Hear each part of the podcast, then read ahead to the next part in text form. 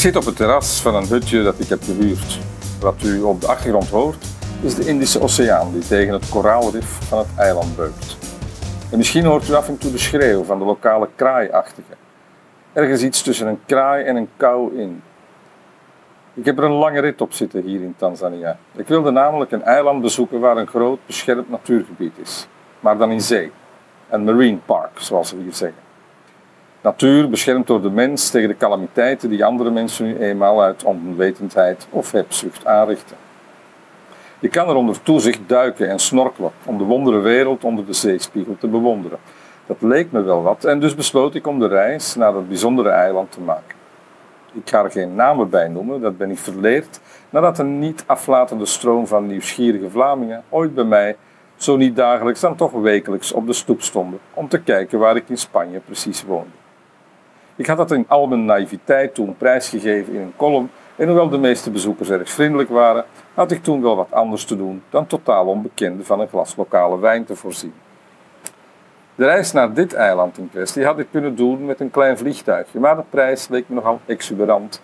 En omdat ik wat lokale sfeer wilde opsnuiven, besloot ik de lange weg te kiezen. Die bestond uit een ferrytocht van twee uur, vanuit het eiland waar ik verbleef naar de Tanzaniaanse hoofdstad Dar es Salaam. Daar nam ik een taxi naar het busstation buiten de stad al, waar ik de lokale Dala Dala, een bus, moest nemen naar de volgende ferry-oversteekplaats.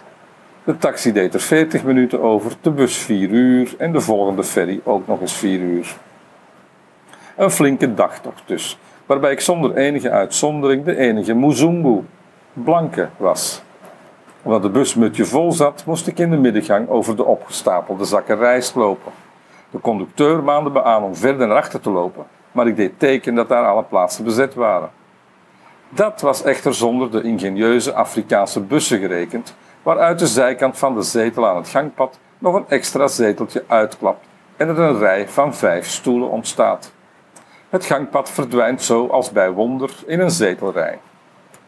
Beter in elk geval dan de bus in Laos die ik ooit nam van Luang Prabang naar de hoofdstad Vientiane waarbij ik in het gangpad op een plastic tuinstoel moest plaatsnemen. Als de chauffeur toen plots had moeten remmen, had ik geheid met tuinstoel en al tegen de voorruit geplakt. Het Afrikaanse landschap schoof intussen voorbij terwijl de bus over de geasfalteerde weg dokkerde.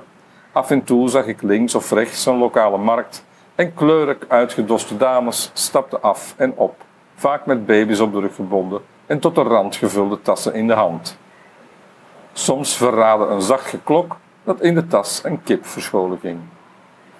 Bij elke halte van de bus verschenen venters aan de raampjes van de bus om hun waar aan de man of vrouw te brengen. Stukken suikerriet, verse ongebrande pindanootjes, cashewnoten, sinaasappelen, mandarijnen, bananen en gekookte of geroosterde maïskolven.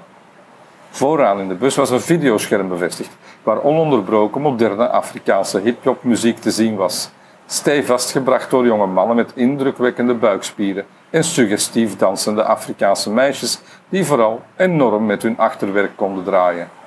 Twerking heet dat in het Engels, geloof ik.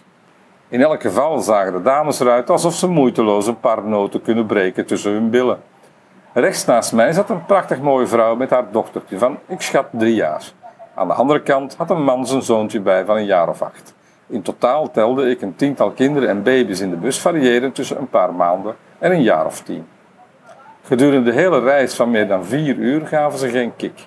Ze zaten nieuwsgierig naar buiten te kijken, lagen aan moeders borst, sliepen of waren in gedachten verzonken. Ik zag geen enkele iPad of smartphone.